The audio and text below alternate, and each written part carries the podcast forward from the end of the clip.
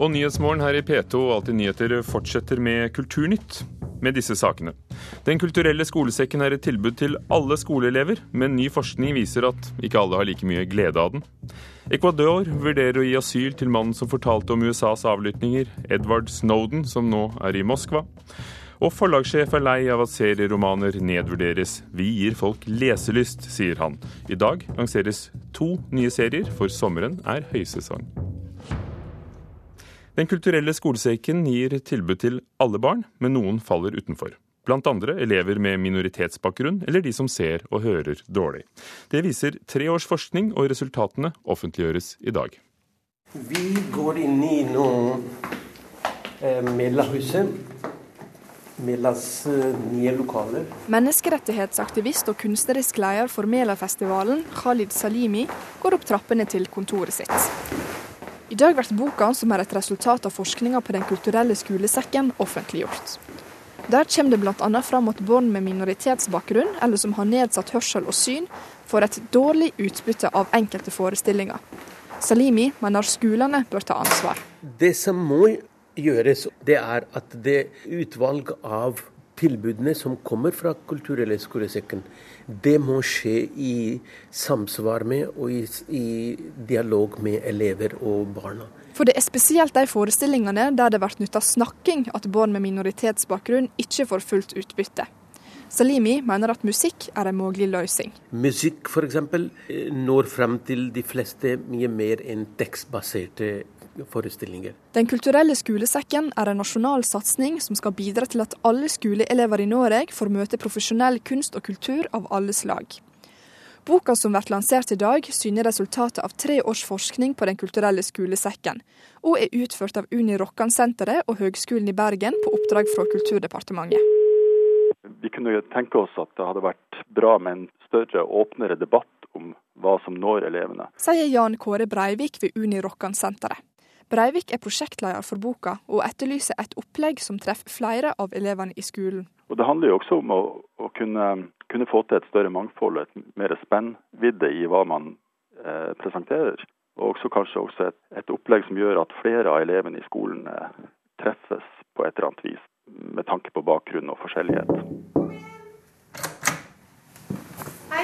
I lokalet til Norsk kulturråd sitter seniorrådgiver og ansvarlig for Den kulturelle skolesekken i Kulturrådet, Vera Michaelsen, og blar i boka med forskningsresultater.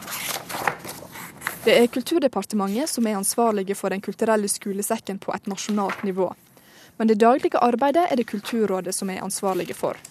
Michaelsen mener det vil være feil å si at enhver oppsetting av Den kulturelle skolesekken skal famne om absolutt alle. I alle sammenhenger så vil det være noen som ramler ut. Vi kan ikke si at ethvert møte med Den kulturelle skolesekken skal favne absolutt alle barn som er til stede i det klasserommet. Skolesekken er ikke til verken for at alle skal like det, eller at alle skal forstå det. Skolesekken er der for å åpne opp for å gi tilbud til absolutt alle barn, eh, og gi dem en mulighet for å møte kunst og kultur. Ansvaret for at Den kulturelle skolesekken skal nå ut til alle, mener Michaelsen ligger hos fylkeskommunene, kommunene og skolene sjølve. De som har den viktigste oppgaven der, er jo fylkeskommunen og kommunen og skolene. At de samarbeider om å legge til rette for de elevene som har ekstra utfordringer. Det vi kan gjøre nasjonalt, er at som vi har gjort nå, f.eks., er at vi har satt i gang et utviklingsprosjekt hvor vi jobber med å utvikle produksjoner som retter seg spesielt for barn med spesielle behov. Sa Vera Michaelsen i Kulturrådet til reporter Camilla Indestad. Agnes Moxnes, kulturkommentator. Kulturrådet sier altså at hver enkelt forestilling kan ikke nå alle. Skal vi slå oss til ro med det? Altså, Jeg skjønner jo at de sier det, for det vi vet jo at i praksis så er det jo sånn. Men man kan ikke slå seg til ro med det. Det er helt opplagt. fordi at tanken bak eh, altså kulturpolitikken som er drevet i Norge de, i mange, mange år, og også Den kulturelle skolesekken, det er jo at folk, eller barn da i denne sammenheng, som ikke eh, blir tatt med på konserter, som ikke går på teater, som ikke går på festivaler og leser bøker, at de skal få en opplevelse, en stimulerende opplevelse der hvor de er. Sånn at det denne rapporten viser, det er at uh, dette delvis fungerer, men at det er for, forbedringspotensialet i, i stor grad når det gjelder måten man driver Den kulturelle skolesekken på. Du har lest i rapporten. Hva annet viser den? Den viser jo at det er en del smertepunkter, bl.a. møtet mellom måten dette, Den kulturelle skolesekken administreres på og skolene. Eh, skolene opplever at de har fått en veldig passifiserende rolle. altså At de blir altså, mottakerapparat av de som sier velkommen til kunstnere som kommer med et ferdig opplegg. Kunstnerne på sin side syns at eh, skolene og, og lærerne er litt ignorante, av og til glemmer at de kommer, og at de har forberedt elevene i altfor liten grad. Mens elevene da eh, kan oppleve dette som en fritime hvor de kan slippe unna det vanlige skolestyret. og kan kan slappe av og ta det med ro. Men det som er interessant, sett i lys, eller altså, man må se dette litt i lys av at de estetiske fagene de siste årene er blitt bygget ganske kraftig ned i norske skoler. Sånn at i prinsippet så er norske skoler, eh, norske lærere og norske elever dårligere rustet til å ta imot det som kommer til skolene deres via Den kulturelle skolesekken, enn de har vært eh, tidligere. Hvor viktig er skolesekken for elevene, og for kunstnerne?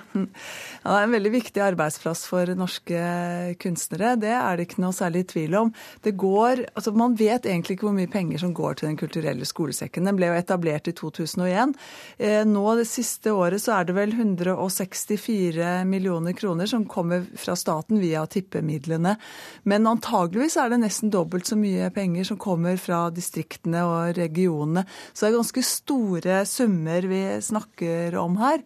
Sånn at det er eh, svært viktig at man går rundt, tar denne rapporten på, mer på alvor enn man gjorde da det kom en lignende rapport i 2006, og evaluerer den og ser hva er det som fungerer, og hva er det som ikke fungerer. Hvilken effekt, vet vi det, har eh, skolesekken? Ja, Det syns jeg at man må forske mye mer på. fordi at dette skal være utgangspunktet også for satsinger i forhold til skole, altså barnehagebarn, i forhold til arbeidsplasser, eh, den kulturelle spaserstokken osv. osv. Fordi at eh, Intensjonene bak eh, skolesekken er jo bl.a. at man skal skaffe en motvekt mot de kommersielle kreftene. Men det andre undersøkelser har vist eh, dette siste året, det er jo at ungdom i stor grad forsvinner fra de tradisjonelle kulturuttrykkene og over til det mange vil si er den kommersielle kulturuttrykket, nemlig det som kommer til oss via internett. Agnes Moxnes, takk.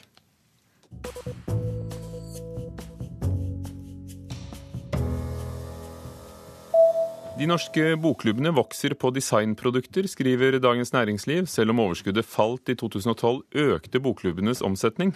Forklaringen er salg av andre ting enn bøker, hevder administrerende direktør Kari Møller. Veksten skyldes altså salg av bl.a. tekstiler og innredningsartikler, samt økning i boksalg gjennom nettet. Den danske arkitekten Henning Larsen er død. Larsen ble mye omtalt da han tegnet det nye operahuset i København, med påholden penn fra byggherren skipsredder Mersk McKinney Møller. Hans danske arkitektkolleger husker ham da heller for helt andre verk, som f.eks. det saudi-arabiske utenriksdepartementet, eller påbyggingen av Carlsbergs glyptotek i København, og så kaller de ham en lysets mester. Som arkitekt var Henning Larsen på nivået like under geni, sier den kjente arkitekturprofessoren Karsten Tau til Politikken, og sammenligner ham med Arne Jacobsen og Jørn Utzon, andre danske arkitekter. Henning Larsen ble 87 år gammel.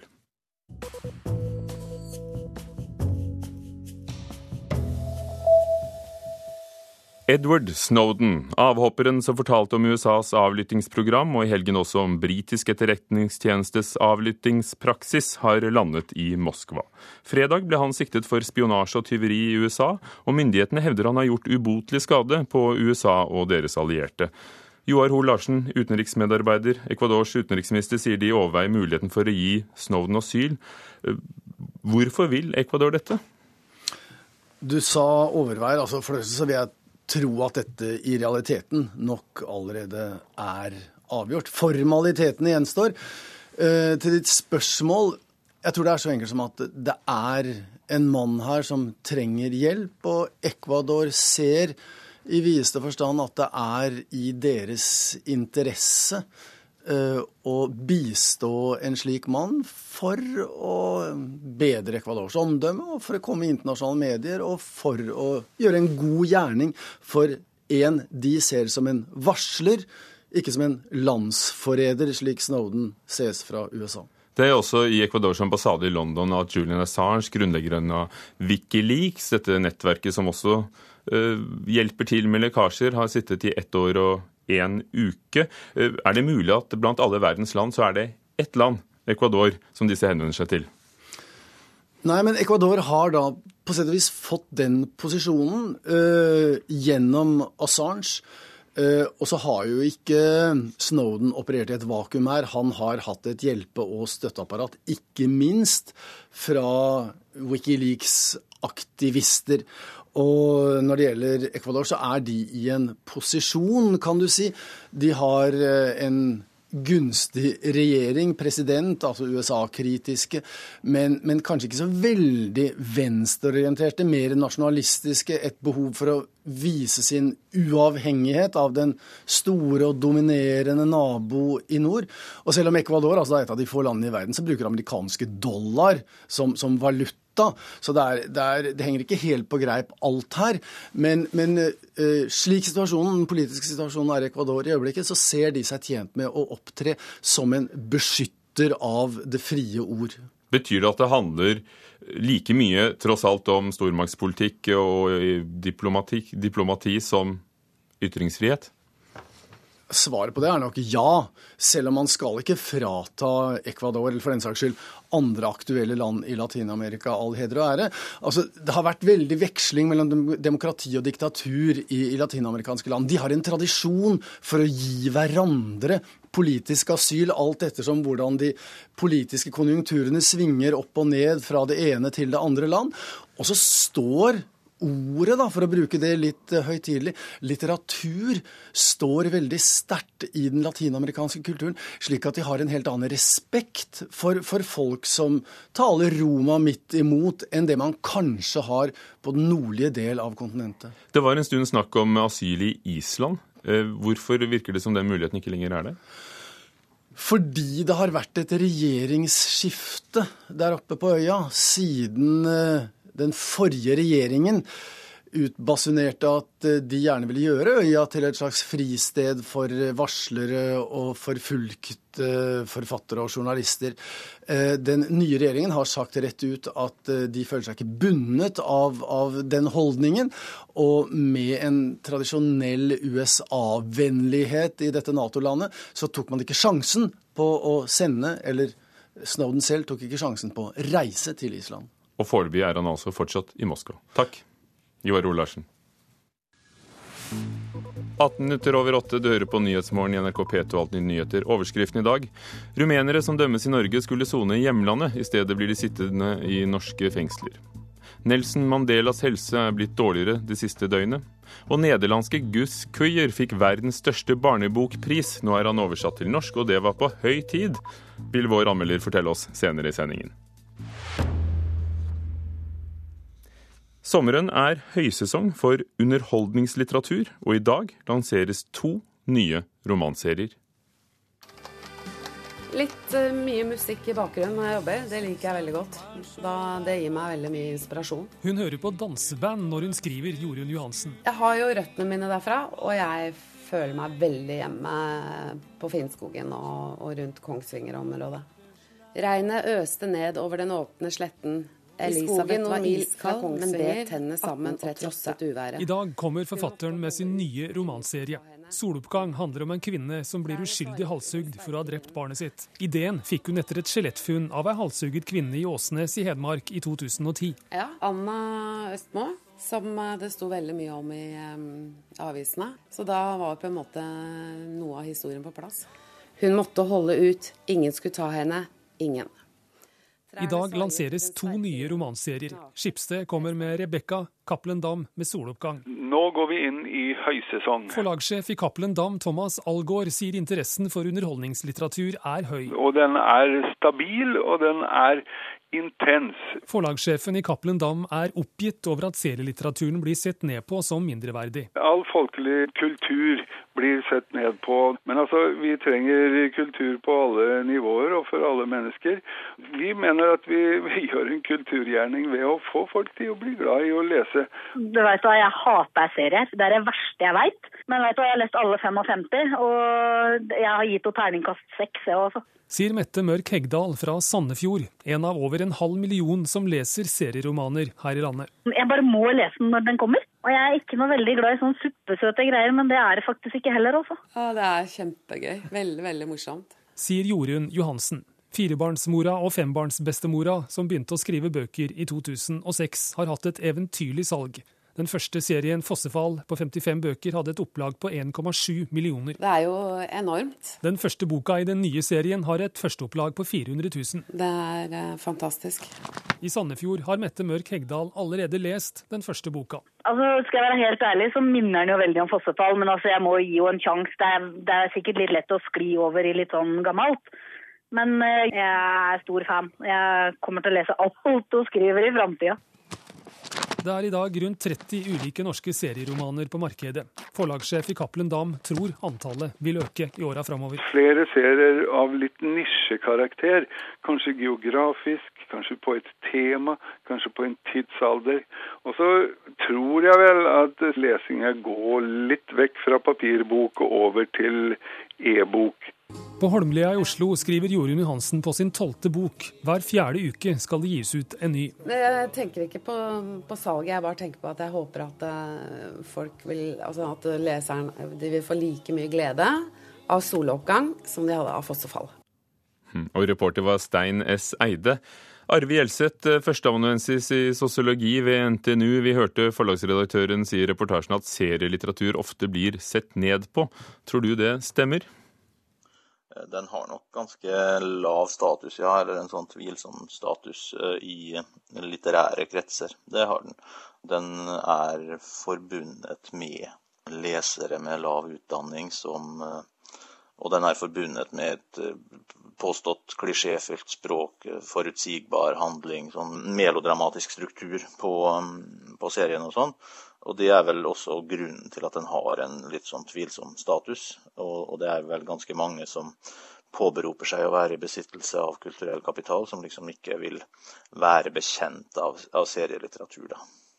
Sånn, sånn, er det bare. Det, er, det, er, det tilsvarer sånn bensinstasjonsalg av musikk da Sputnik solgte som hakka møkk i 1980-årene og sånn. Samtidig så har det ganske høy status kommersielt, fordi dette går som varmt hvetebrød, hørte vi, og særlig om sommeren. Hva er hemmeligheten som gjør at serieromanene treffer publikum? Det er jo at eh, publikum liker gode historier. Altså det er eh, ikke sånn at den jevne leser er opptatt av de tingene som kritikere er opptatt av. F.eks. den jevne leser kan godt like klisjeer og kan godt like handling som ikke er direkte gjenkjennbar, men som har, altså at fortellinger har en struktur som de kjenner seg igjen i. Da den erotiske bestselgeren 'Fifty Shades of Grey' ble lansert, så hørte vi hvordan den hadde lyktes takket være e-boken, fordi mange turte å kjøpe den. Fordi nettopp de behøvde ikke bli sett mens de tok uh, denne litt sånn uh, vågede boken uh, i bæreposen. tror du e-boken etter hvert, når det slår an også i Norge, vil påvirke kiosklitteraturen? E-boka vil etter hvert slå an også for, for såkalt kiosklitteratur, det, det, tror jeg. Men jeg tror, ikke, jeg tror, ikke, folk som er engasjert i kiosklitteratur nødvendigvis er flaue over at de er det. Fordi de har et helt avslappet forhold til sånne kulturelle hierarkier og sånn at dette er dårlig smak. Det tror jeg den jevne kiosklitteraturleser driter i med god grunn. Altså, det er ikke noen grunn til at de skal føle seg mindreverdige fordi de foretrekker det fremfor en roman av Herman Hesse um, om sommeren. Ehm, det interessante med kiosklitteratur, nei, med, med, nettbrett, er jo at um, i hvert fall hvis man leser på engelsk, så vil man jo kunne lese det mye billigere enn hvis man kjøper papirversjonen. Sånn at det, det kan være en sånn ekstra appell også til massen av lesere. Da. Så jeg tror det vil gå ganske fort at eh, hvis det blir tilgjengeliggjort på en fornuftig måte, at uh, også denne type litteratur vil, uh, vil, i økende grad flytte over på nettbrett. For forlagene er dette en høysesong om sommeren for kiosklitteratur. Er det sesongvare? Leser vi annerledes etter årstidene? Nei, Jeg tror ikke det har så mye med sommer å gjøre. Jeg tror det har mer med ferietid og, og, be, og, og mer tid til å lese å gjøre. Og så er det sånn at altså, serielitteratur, hvis man, kan, hvis man sitter med syv-åtte bøker i en serie som, og man har store leseflater, så, så blir jo også lesningen enda mer engasjerende hvis man kan sette av mye tid eh, daglig til å lese. Det er jo tidsbruken. Det, blir, det, er lettere å leve seg inn i noe hvis man sitter i to-tre timer og leser, enn om man sitter, om man ligger 20 minutter på senga før man sovner. Takk skal du ha, Arve Gjelseth, eh, sosiolog ved NTNU.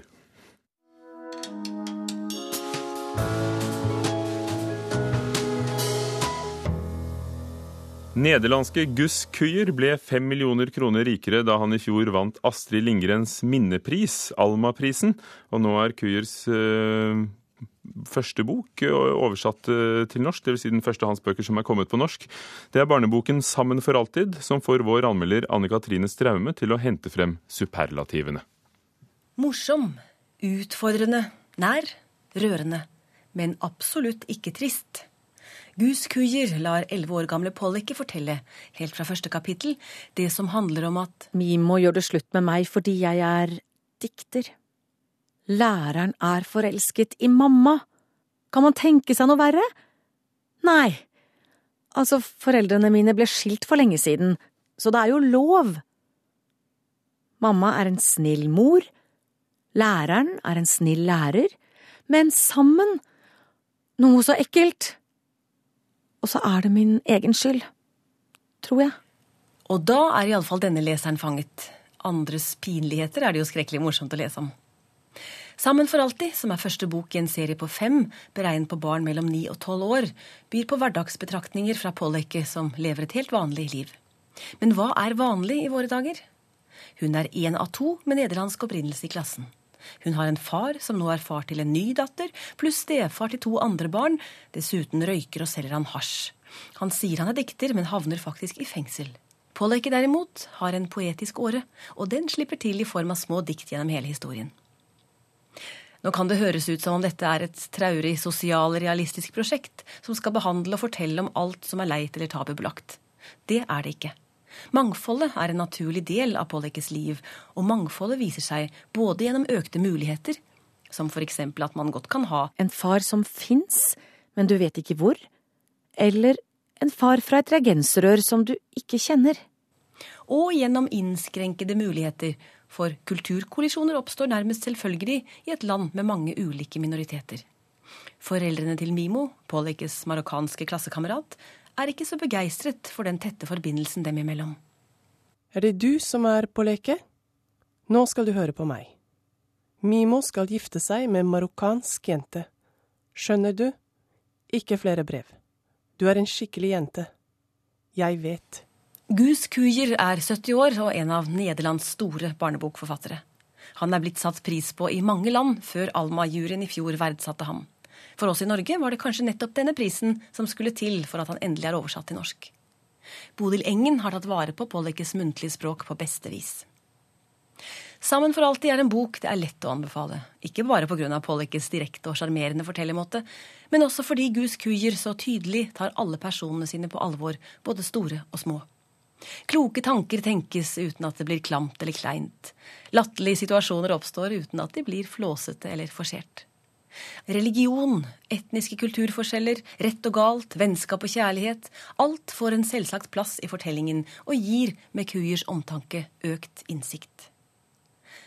Gus Kuyer kan faktisk minne om Astrid Lindgren selv i sin respekt for barnet, eller han kan minne om en Maria Parr eller Nina Elisabeth Grøntvedt, for å nevne noen hjemlige fortellere som også innehar den fine kombinasjonen av varme og entusiasme som kan være med på å skape stor litteratur. sa Anne Katrine Straume om 'Sammen for alltid' av nederlandske Gus Kuijer. Og så minner vi om at du kan lese alle litteraturanmeldelsene på nrk.no. I Kulturnytt i dag har vi hørt at forskning viser at ikke alle barn får like mye glede av Den kulturelle skolesekken, men så kan ikke alle forestillingene heller favne alle, svarte Kulturrådet. Det gjenstår bare formaliteter før mannen som varslet om USAs avlyttingsprogram for asyl i Ecuador, fortalte Joar Hoel Larsen det er Edward Snowden det er snakk om. Og sommeren er høysesong for kiosklitteratur. To serier blir lansert i dag. Frode Thorshaug var teknisk ansvarlig, Gjermund Jappé produsent, Ugo Fermariello programleder for Kulturnytt her i Nyhetsmorgen.